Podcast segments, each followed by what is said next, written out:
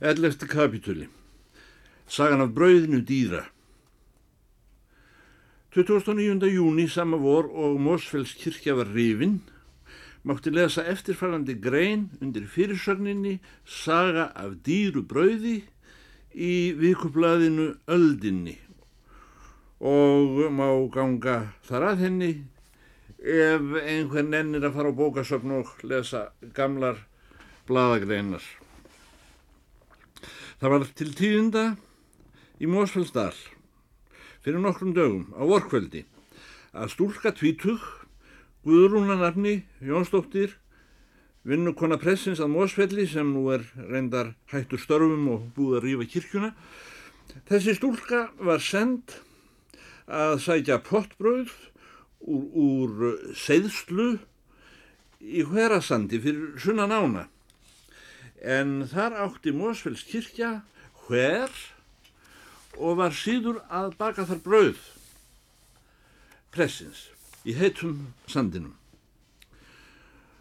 Stúlkan hafiði með sér í treskjólu annan rúleif ráan að skipta um brauð í sandinum því það var vani þegar full bakað brauð var sótt þá var annað rátt grafið í sandin um leið. Þetta voru svört bröð og vanalega 6 pund á þyngd. Nú er þess að geta að ávar þokadim þó bjart væri á nótt þetta vorkvöld. Þegar stúlkan hafði skipt um bröð og uh, var farin á stað heim með setta bröðið í treskjólunni og allaði heima pressetri sömuleið og hún hefði farið mörg hundru sinnum áður, þá missir hún áttanna og í staðin fyrir að ganga beint í norður eins og leið liggur, þá gengur hún beint í suður og lendir í mýrlendu skarði millir tvekja fjalla þar sem hún kannast ekki við sig. Og þræðir sig með fram lækjum en einlegt upp á við eins og hún er komin á heiðar, víðlendar og eðilegar, óbyggðar af mönnum, sem liggja til Mósfells kirkju og eru afréttir margra sveta og er vant að tala um óbyggðir þessar í einu lægi undir nafninu Mósfells heiði. Lengi vel heldur stúlkan að hún sé á leið heim til sín á pressetrið og hálf kannast við kennileiti í landslæginu sem henni finnst að sanni það. Unst þar kemur að hún finnur að hún er farin að tví koma að sama steini, sömu lækjarbúðu eða sömu þúfu. Þá fyrir henni ekki að standa á sama. En nú ekki að orðlengja það. Nefna stúlkan er að villast þá nótt alla á heiðum uppi, fjarr í mannabygðum. Um þessar myndir var verið að rýfa gömlu kirkjuna á Mósfelli, heldur vikublaðið öldin áfram. Og voru komnir til þess smiðir snemma dags og var nú mikið um að vera pressfrúin farin og presturinn að búa sig undir að fara líka og uh, voru kannski ekki margir sem tóku eftir því að það vantaði bröð. Þegar það uppgötvaðist að einni vantaði stúlku, þá grunaði öngvan að hún væri farin á fjöll. Var haldið í fyrstu að hún væri í vinakinni hjá skildmennum niður í sveit. Við eftirgrenslan kom þó í ljós að svo var ekki og með því þokum létti ekki af til fjalla þótti einsýnt að stúlkan hefði vilst. Á þriðja degi eru gerðir út leiðangrar úr byggðinni að leita stúlku þessarar. Að morni fjórðadags fundust spór hennar í flægi langt upp í óbyggðum og nær hádegi fannst hún sjálf sofandi upp á lingvoksnum hól nærri svonemdum hengla fjöllum. Í moldarflægi, skamt í burtu, hafði hún skrifað fangamark sitt með fingrinum í moldina G, J, sumir segja ásamt broti úr erfðaskrá. Um þessar myndir var öll byrjað að gríðsja gegnum þokkuna. Tver bændur, nágrannar stúlkunnar, komu að henni þar sem hún lág sofandi með brauðskjóluna við hlýðsér og höndina fast krepta um kilpinn. Bændur þessir vekja nú stúlkuna af svefni. En svo brá við, loks er þeir fengu vakiðana, þá kannaði svona ekki við þessi menn, en spratt upp felmdruð með ópum og uh, tók síðan til fótanna sem harðast hún kunni með bröðskjóluna í hendinni. Svo vilt var hún enn að ekki aðeins fannst henni sem hún hefði aldrei áður augum litið þessa góðkunningja sína, heldur hugði hún þá vera útilegumenn og ræningja sem komnir veru að ræna hana brauðinu og drepa hana. Og þó svo færi að lokum að þeir dróðu hana uppi og höfðu hendur á henni þá snerist hún til varnar gegn þeim og varð ekki aflsvand eftir þryggja sólarhinga villu. Þess að skilt að geta að Guðrún þessi, Jónsdóttir, er í Mósfells dal talinn kallmanns ígildi og vel það í hverju raun. En það hafði hún mennina tvívegis undir áður en þeir fengu yfirbuga þannig þar á heiðinni.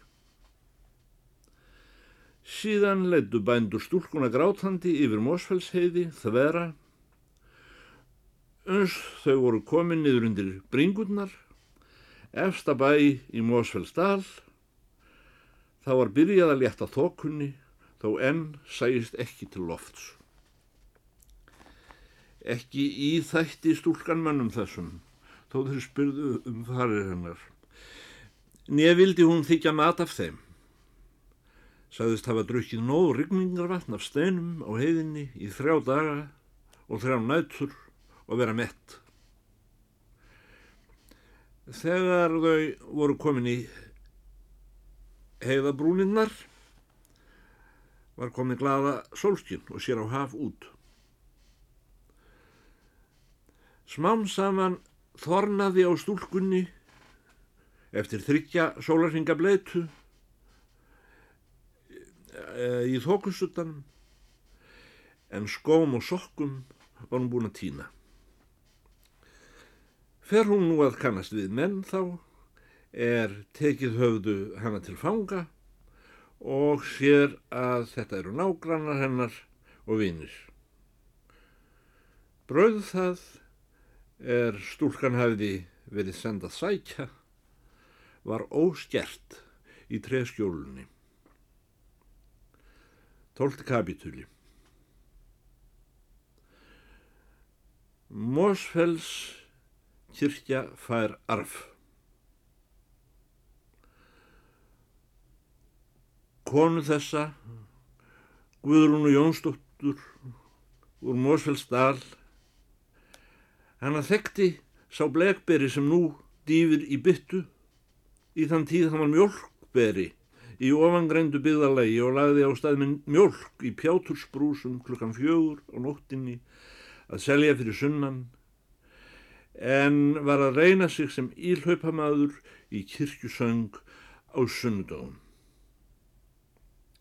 Jammer þá var stúlka þessi laungu orðin roskin. Áratugum síðar hittir þessi sami mjölkurpostur sömu stúlku aftur og spyr. Þótti þér nú ekki súrt í broti, Guðrún mín, þegar ekki var annað sýtna en þú myndir verða að snúast í ringi á Mósfellsheiði þar sem eftir var æfinnar. Þá segir konan. Nú, var það ekki þetta sem hann sér að Jóa var einlegt að burðast við að bóða? snúðu mér í ring og snúðu mér svo aftur í ring. Um aldir alda. Ég viltist í þokunni niður í sveit á miðugtaskvöldi, fór í söður í staðin fyrir að fara í norður og síðan til austurs í staðin fyrir að fara í vestur. Spurning. Varst ekki búin að gefa upp alla von? Svar. Ég vonaði minnst að aldrei færi svo ég næði ekki setniblessun í Mosvells kirkju á sunnudag. Náður því, spyr ég. Það náðu öngverð því. Vorki lífsni liðnir, sagði konan. Kirkjan á Mosvelli var sem sé rifindagana sem ég var í villunni.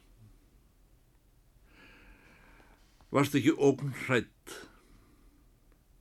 Sveit við hvað allir hafi verið hrætt? Það var svo sem ekki mikið að hræðast. Það gæti ekki dimmað meira á, minnst að kosti ekki um háu vorið. Það setti kannski ögnaði mér fyrstu nóttina af því ég var gagndrepa. En daginn eftir línaði mér og ég hlóað sjálfur mér að vera einlegt að fara í syng. Kvöldið eftir held ég að ég væri orðin galinn af ringsnúningi. Í sólar upprás morgunin þar á eftir djarfaði fyrir einhverju glætu greiði og var eh, þó fljótt á hverfa aftur. Svo ég held áfram að ringsóla þann dag líka. Ég aldrei vitað annan en spjálfa á mig. Spurning. Er það satt að þú hefur gert erfðaskrá í þokunni? Það var svo sem ekki mikla erfðaskrá að gera, segir Guðrún Jónsdóttir. Ég átti þrjár lampkristur. Það var allt og sund. Já, ég nefna fyrstu nóttina hétt ég á Mosvellskirkju að gefa henni lamp ef ég yrði mér ekki til skammar fyrir Guð og mönnum með því að verða úti upp á holdi um hávorið. Heldur það hafi gagnað, spyr ég. Konan svarar. Hvað ætli það hafi gagnað? Það gagnaði ekki nokkur skapaðan hlut. Auðvitað var Mosfells kirkja ekki það heimsk að fara að kaupa mér lamp. En næstu nótt gaf ég Mosfells kirkju lamp í viðbót án þess aðallast einu sinni til að fá líftóruna í staðin. Nú fór ég hálfpartin að gera ráð fyrir að kannski næði ég ekki heim og hvernig nátti kirkjugræði þá að vita að ég var búin að gefa henni lömpin. Ef ekki er skrifaður stafur og ég kemst aldrei heim, hver reppir þá ekki sanns lampakristunnar? Þau öngvan átti ég erfingjan. Síðustu nóttina mína tók ég þetta bræðs að ég skrifaði með puttanum í moldarflag Mosvellskirkja á lömpin. Svo setti ég fangamarkið mitt undir G.J.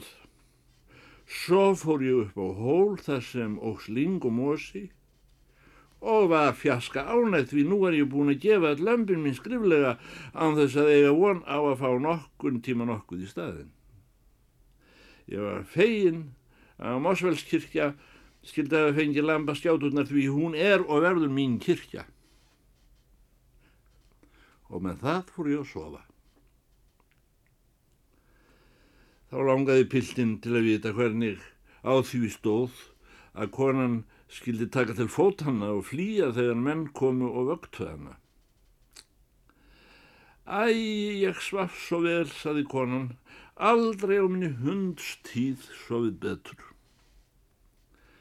Vissi ekki þennan heimni annan, skemmnum mín. Þeir gerði mér þann grikk að rýfa mig upp. Var nokkur hæfa í því að þú hefðir tekist á við þessa góðu vini þín á nágranna þegar þeir voru loksins búin að finna þau ölluðu nú að fylgja þér heim? Það var eitthvað skrítin þegar ég vaknaði, saði kona. Ég kannast ekkit við nefin á kalla greiðunum hvaðan veist þú þetta gegi mitt? Hvað er með svona kæft átt hér í sveitinni? Og uh, þú vildir ekki einu sinni hjá þeim kaffa með því, hef ég heilt. Og sveit því. Varst ekki orðin ógn svöng? Hjálp maður þurfi ekki einlegt að vera að geta, sagði konan, það er ósiður. Að lokum spurði ég konan að því sem mörgum hefur þótt nokkuð sérkennlegt í þessari sögu. Af hverju hún hefði aldrei brotið sér móla af þessum pottbröðs hleyf sem hún held í hendinni á þessu langa ferðalagi. Dag og nótt yfir fjöll og finnindi. Svona bröð sem vegur 6 pund ætti að endast manni í nesti heila viku eða jafnvel halvan mánuð og lengur ef vel er áhaldið. Mikið var konan undrandi á þeim fjärstæðum sem gáttu runnið upp úr þessu piltkorni. Láfið að fiki í hana. Maður getur nú líklega ekki það sem hann trúað fyrir, barni gott. Var ég þá sama hvort þú lifðir eða dóst bara að brauðið kemist af, spyr ofangrendun mjölk og bleikberi. Því sem mann er trúað fyrir, því er manni trúað fyrir, segir þá konan. Spurning. Getur maður aldrei orðið á húsbóndahollur? Konan spyr á móti, en getur nokkur nokkun tíma verið nokkur um trúr nema sjálfum sér. Varstu samt ekki fegin að vera til þegar þú sást sólinn aftur Guðrún? Konan sagði því að vist þakkaði maður fyrir að fá að halda tórunni en maður þakkaði líka fyrir að fá að losna við hana. Langamu minni gegn feikn illa að deyja, sagði hún. Á endanum var það holfa yfir hann að potti. En þegar þau komu úr villunni og náðu ofan í heiðarbrúnir, þá var þokan horfin og heimurinn var þarna aftur með sólinni og öllu saman. Í þann tíð voru menn ljóðrætni í tali en núna og ég spyr konuna hvort það hef ekki verið undursamlegt. Ég er hrættur um að hún hef ekki skilið orðið. Meðan að var að rofa til, sagðist konan ekki hafa kannast við sig lengi vel. Hvað var hún að flækjast með þessum tveim köllum? Allt í einu stendur veröldin uppljómuð. Þokunum var aflétt. Það fyrsta sem stúlkan kannadist við var híminin. Svo sér hún sjóin langt burtu og þekkti að það var hann. Síðan sér hún Mósfells dal, sveitina sína, breyða úr sér, eins og vant er, fyrir neðan heiðina. Og loksins kannast hún við nefin á þessum tveimur köllum. Og ég veit ekki fyrr, segir konan, en mér farið langi kaffi. Undirritaður hefur oft á síðan hugsaði um þetta bröð. Margar myndi langa í svona bröð. Hvað varðum bröðið, spyr ég. Að ég svo sem mann það ekki, sagði þá stúlkan Guðrún Jónsdóttir og róðin gömul kona föl á vangan. Ætla hafi ekki verið gefið hrossum Klárarnir stóðu glórhungraðir í stertabendu á hlaðinu og byðu eftir því að þeirru bundnir upp á þá viðinnir úr Mosvells kirkju. 13. kapitúli. Tvö nöfn. Sakir Anríkis í öðrum postum hefur nú undan dreigist um skeið að segja frá hækkun Láafellskirkju mót himni hér í lesmálunum. En þó Láafellskirkja hækkaði, stóð enn aftarlega í þeim háu siðra að afvíja Mosfellskirkju. Má vera sá dráttur hafi orðið til að styrkja Óláður Hrísbrú í trú á landshöfðingjan og vonum að sáhauðingi fyndi biskupin í fjöru og tækist að koma vitinu fyrir þessa anskota.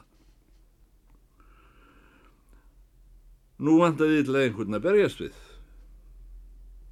Enda er þess getið að Ólafur Bondi hafi komið að máli við soknarforman Mosfellskirkju, Kolbin í Kollafyrði og hvartaði yfir því að hart væri að hafa ljá á lofti en öngvam vísan að ganga undir hann.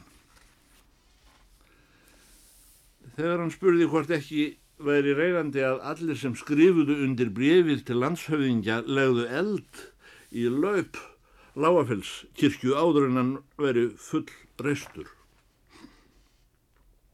Þá dró Kolbeinn í Kollafyrði heldur úr. Taldi það myndum seinan. Ólafið þótti sínt að soknarformaðurinn væri búin að svíka í málinu eins og allir aðrir. Hviki þér nú allir nema skamkjall ívitnaði Kolbeinn bondi úr njólu.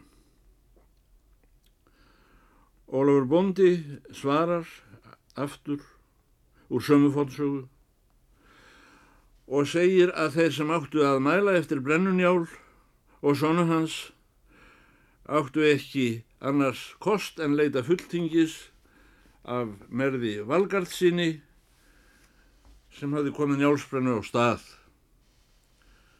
og því var Ólafur og Hrísbrú hér komin á fund Kolbens í Kollafyrði.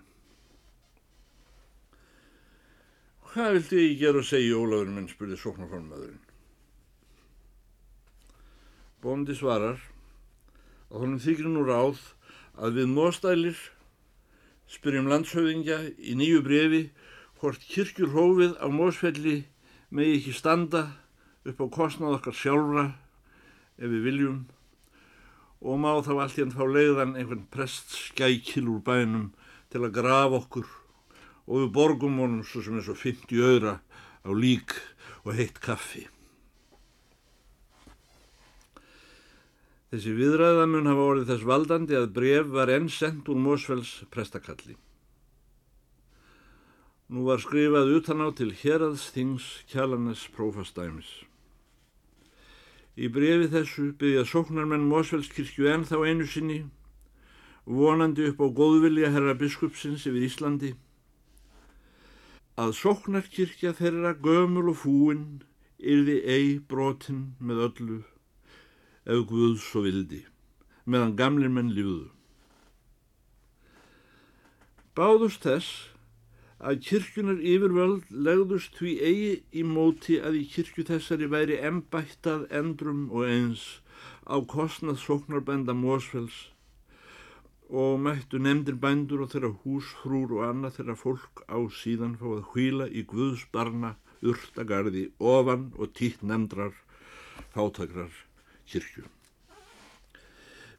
Beðni svo sem hérum ræðir augljóslega runnin frá Ólafi Gamlar Hrísbrú að efni til en kannski samantekin og sett upp á skjál af Kolbeini Eyjólfsinni verður enn lesin í fáorðum útrætti gjörningabókar Kjallans Þings ár 1888 svo hljóðandi. Bref var borið fram frá sóknarmönnum í Mósfells sókn er fór fram á að Mósfells kirkja mætti standa framvegis og venjuleg kirkju þjónusta farðar fram. Tvö nöfn eru undirskrifuð á stjærinu. Nöfn þessi tvö eru ekki tilgreind í gjörningabók hérasfundar. Í lúðri uppskrift brefs þessa sem til var í fórum gamals sóknarmanns á æskudögum manna sem núlifa mátti þó enn lesa nöfnin undir skjálinu svo. Fyrsti, Ólafur Magnússon, Rísbrú, Óðalsbóndi. Annar, Guðrún Jónsdóttir Mósfelli, Stúlka. Guðrún mín, til hvers fórst þú að skrifa undir að þarna brefið með honum Ólafi einnum á Hrísbrú? Guðrún talaði einlegt í sömu hæð, þægilegri fyrir hernadöfa. Æ, kall áltinn bauð mér einu sinni en boga gamla svona nefnuna sína og mér fannst hálfpartin ég er að sjá það við hann þó ég hefði heldur viljað drepast en fara í þrældum hjá honum bóðagalna á Hrísbrú eða nokkur í kallmanns mynd ef kallmenn skildi kalla. Og hvað sagði presturinninn, hann sér að Jóhann, þegar hann kom af prófastafundinum og sá að þú hefði skrifað undir skjál á móti honum. Guðrún Jónsdóttir, svar. Hann sagði Tveir eru allt í end tveir. Svo bendir hann á sjálfan sig og segir Hér er sá sem er fyrir þann þriðja. En sá þriðji skrifar aldrei undir. Hann er bara þarna. Spurning. Um hvernig var hann að tala? Guður, Guðrún Jónsdóttir. Hann sér að Jóhann talaði aldrei um neitt við neitt nema mannin á loftinu. Þegar hann talaði fólk var hann einlegt að tala um mannin á loftinu. Meira að segja, þegar hann talaði um maddumuna, þá var hann að tala um mannin á loftinu. Þess var ekki heldur langt að býða að hann yrði gerður domkirkju prestur fyrir sunnan. En hann sagði sumsi af sér prestskap í bíli þetta vor en það var frúin orðin heilsulegs. Sér að Jóhann fór aldrei að lága felli þó hann hefði ætlað að hafa þar ódýran kirkugarð. Hann fór til Kaupenhafn að leita matumunni sinni lækninga þangar til hún dó. Spurning. Sagði hann ekki neitt heldur þegar hann frétti að ofan á tilskrifið til prófastanna hefðir þú arflegt Mósfellskirkju að lömbunum. Guðrún Jónsdóttir segir Aldrei hefur nokkur í manns græfu í Moskó vel eins skýt sama hvar kirkjan stóð honum sér á Jóhanni. Hann gaf mér gullpenning þannig hann kvatti mig. Spurning. Hann hefur náttúrulega orðið hrifin þegar þú komst með brauðið og tekið. Guðrún Jónsdóttir svarar. Hann sér að Jóhann. Ó, sveið því. Sá held ég hafi orðið fegin eða hitt heldur. Hún tók sér ekki í munn orðið hrifin. Það var ekki til þá. Hann sér að Jóhann sagði bara að gefa oss í dagvordaglegt brauð og gaf hrossunum brauðið. Segj ég sér svona við sér að Jóhann. Sér að Jóhann. Það var þá vitið meira eða hitt heldur að vera að gefa ræflinum enni stóru gunnu gullfinning hvað á hún mókalla mín svo sem að gera við gullpenning. Segir þá sér að Jóhann, ég á ekki nema þennan eina gullpenning, hann er handa þér. Ef ég eignast annan, þá ætla ég líka að gefa þér hann, Guðrún mín. En ég efast um, Guð sendi mér nokkun tíma nema þennan eina gullpenning.